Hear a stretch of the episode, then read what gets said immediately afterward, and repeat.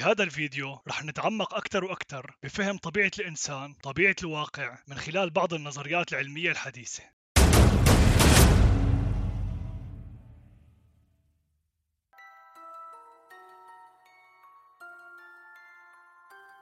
أنا متأكد إنه اللي تابع الفيديوهات السابقة وبشكل خاص آخر فيديوهين صار عنده تصور واضح إنه نحن عايشين بعالم بيحتوي على احتمالات لا نهائية من الوجود المادي، اللي بيحب يرجع للفيديوهات رح أحط لكم رابطهم بالدسكربشن، كل شيء بالعالم الفيزيائي بيتكون من جسيمات دون الذرية مثل الإلكترونات، بالحالة الطبيعية بتتواجد هاي الجسيمات كاحتمالات، بلغة الفيزياء بتتواجد الجسيمات بحالتها الموجية حتى يتم مراقبتها، بلغة الاحتمالات هاي الجسيمات هي كل شيء ولا شيء حتى يتم مراقبتها موجودة بكل مكان ومو موجودة بأي مكان حتى يتم مراقبتها طالما أنه الجسيمات دون الذرية متواجدة بعدد لا نهائي من الاحتمالات بنفس الوقت فمن المحتمل أنه نحن البشر متواجدين أيضا بعدد لا نهائي من الحقائق المحتملة. بناء على هذا الكلام إذا كان بإمكانك أنك تتخيل حدث مستقبلي بترغب بوجوده بحياتك فهذا الحدث موجود فعليا كإمكانية متاحة بالفضاء الكمي. أي شيء ممكن تتخيله هو موجود كاحتمال بالفضاء الكمي. وهو بس بانتظار إنك تراقبه. الفضاء الكمي أو الكوانتوم فيل هو تعبير عن عالم الاحتمالات اللي بتتواجد فيه المادة. هذا المصطلح رح يتكرر معنا كثير بالفيديوهات القادمة.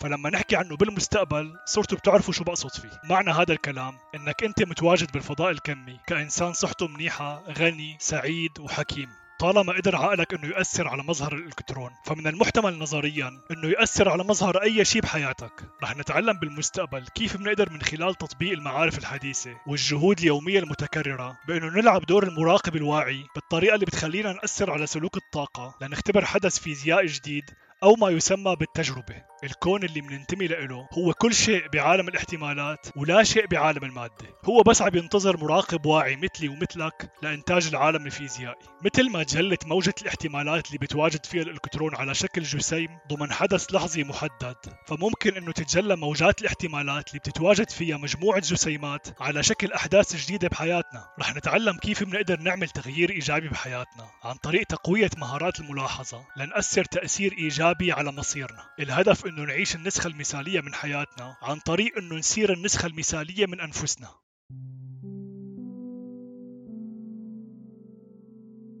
فكروا معي بالموضوع شوي. نحن عايشين بواقع ما فيه شيء اسمه صح وخطأ لأنه بالفضاء الكمي ممكن يتواجد الشيء ونقيضه. ممكن يكون لون اللبن أبيض وأسود بنفس الوقت. اجتماع النقيضين صار شيء ممكن فالنتيجة اللي توصلت لها بعد ما تعمقت بهاي المفاهيم هي أنه أكبر تضليل وأكبر تشويش وأكبر تضييع للوقت هو أنه نشغل حالنا بنقاشات حول قضية إذا كانت صح أو خطأ. لأنه طبيعة الواقع بتقول أنه ما في شيء اسمه صح وخطأ. الحقيقة المطلقة هي أكبر وهم ممكن نخسر بسببه أرواح الناس وأحلامهم وطموحاتهم ومستقبلهم. لهيك بدل ما نتناقش بالصح والخطأ بالحق والباطل بالحقيقة والزيف خلينا نركز تفكيرنا بالحوار باللي بيفيدنا وباللي ما بيفيدنا. يعني مثل أي حوار ممكن نلاقيه بأي شركة أو مؤسسة. ما حدا بيهمه شو الصح وشو الخطأ. الحوار بيهدف بشكل أساسي لتحسين وتطوير أداء الشركة. نفس الشيء بالحياة مهم كتير أنه يكون عندنا هدف واضح. الهدف ببساطة هو تخفيض مستوى المعاناة ورفع معدلات السعادة. طبيعي جدا أنه نختلف بالأفكار والتنوع هو شيء حلو كتير ولكن مهم أيضا أنه يكون عندنا نفس الهدف. بنلاقي أنه في عدد كبير من الناشطين بال social media. كل هدفهم أنه يهدموا أفكار مجموعات محددة من البشر. ممكن يفتحوا live كل يوم. وأقصى طموحهم أنه العالم تتخلى عن أفكارها ومعتقداتها. نصيحتي لهالأشخاص ركزوا على البناء أكثر من الهدم. ممكن بكل سهولة أنك تهدم بس البناء بده وقت وبده مجهود تراكمي. ما حدا عنده مشكلة بأنك تهدم له بيته إذا كان مهتري وقايل للسقوط. ولكن بشرط أنك تبني له بيت جديد بإمكانيات أفضل. لما تبني له هذا البيت هو من حاله رح يترك البيت القديم ويقرر يعيش بالبيت الجديد.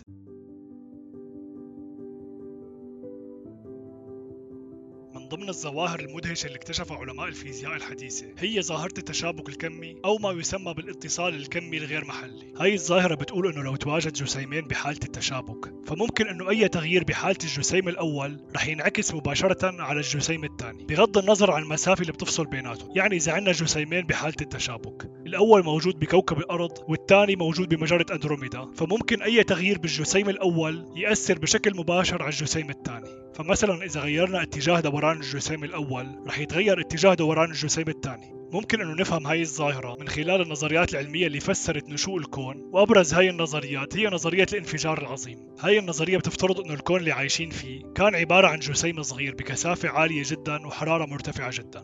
انفجر هذا الجسيم وتمدد طلع منه النجوم والكواكب والمجرات وباقي الهياكل الكونية. فهذا الكون العظيم هو شيء واحد بالأساس. الكل هو واحد. من الظواهر اللي ممكن تأكد هاي المعلومة هي ما يسمى بتأثير الفراشة. يعني لو فراشة حركت جناحاتها بالبرازيل مثلا فممكن بسبب هاي الحركة يصير عنا عاصفة بمكان تاني بعيد مثل الصين مثلا فيبدو إنه عناصر هذا الكون مرتبطة ببعض بشكل غير عادي. ونحن البشر مثل أي شيء بالكون مرتبطين ببحر من المعلومات ببعد بيتجاوز الزمان والمكان الماديين. نحن ما لنا بحاجة بإنه نلمس أو نكون قراب من أي عنصر فيزيائي لنأثر عليه أو نتأثر منه. وأي تصرف بنتصرفه تجاه الآخرين بنكون عم نتصرفه تجاه أنفسنا. الإنسان هو مصدر للطاقة مو بس الإنسان. أي شيء مادي هو مصدر للطاقة وهي الطاقة بتحمل معلومات وبتأثر بالوسط المحيط فيها. لهيك مهم كتير نعرف شو هي مصادر الطاقة المحيطة فينا. هل هي طاقة بناء أو طاقة هدم؟ بس بتعرف شو الفرق بينك وبين باقي الأشياء المادية؟ الأشياء المادية مثل الكرسي هي طاقة غير واعية بينما الإنسان هو عبارة عن طاقة واعية طيب شو الفرق؟ الكرسي ما عنده قابلية بأنه يتحكم بمصادر الطاقة بالأشياء اللي حواليه أما الإنسان فبيقدر أنه يأثر على سلوك الطاقة بكل شيء حواليه وعنده حرية الإرادة بأنه يكتسب الطاقة من المصادر اللي بيرغب فيها بأنه يمنع نفسه من استقبال الطاقة من المصادر اللي ما بيرغب فيها فلما تغير حالتك الفكرية أو الذهنية فأنت عم تغير بالوسط المحيط سواء أدركت هذا الشيء أو ما أدركته لأنك مو مجرد جسد. أنت عبارة عن وعي والجسد هو مجرد وسيلة بيستخدمها هذا الوعي للتعبير عن مستويات مختلفة من التفكير. لما بقول الجسد بقصد فيه أي سلوك بيصدر عن الجسد مثل الكلام لغة الإشارة ردود الأفعال وغيرهم. لو حبينا نتوسع شوي بهذا المفهوم طالما إنه في تشابك بين عناصر هذا الكون فأكيد رح تتفق معي إنه أنت المتواجد باللحظة الحالية متشابك ومترابط مع أنت المتواجد بالمستقبل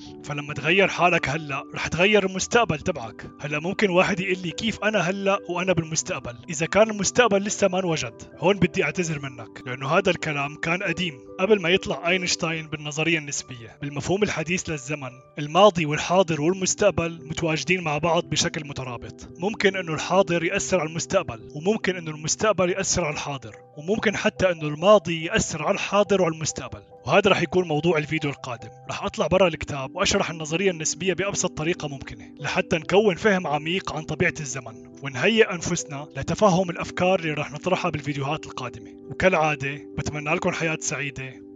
سلام.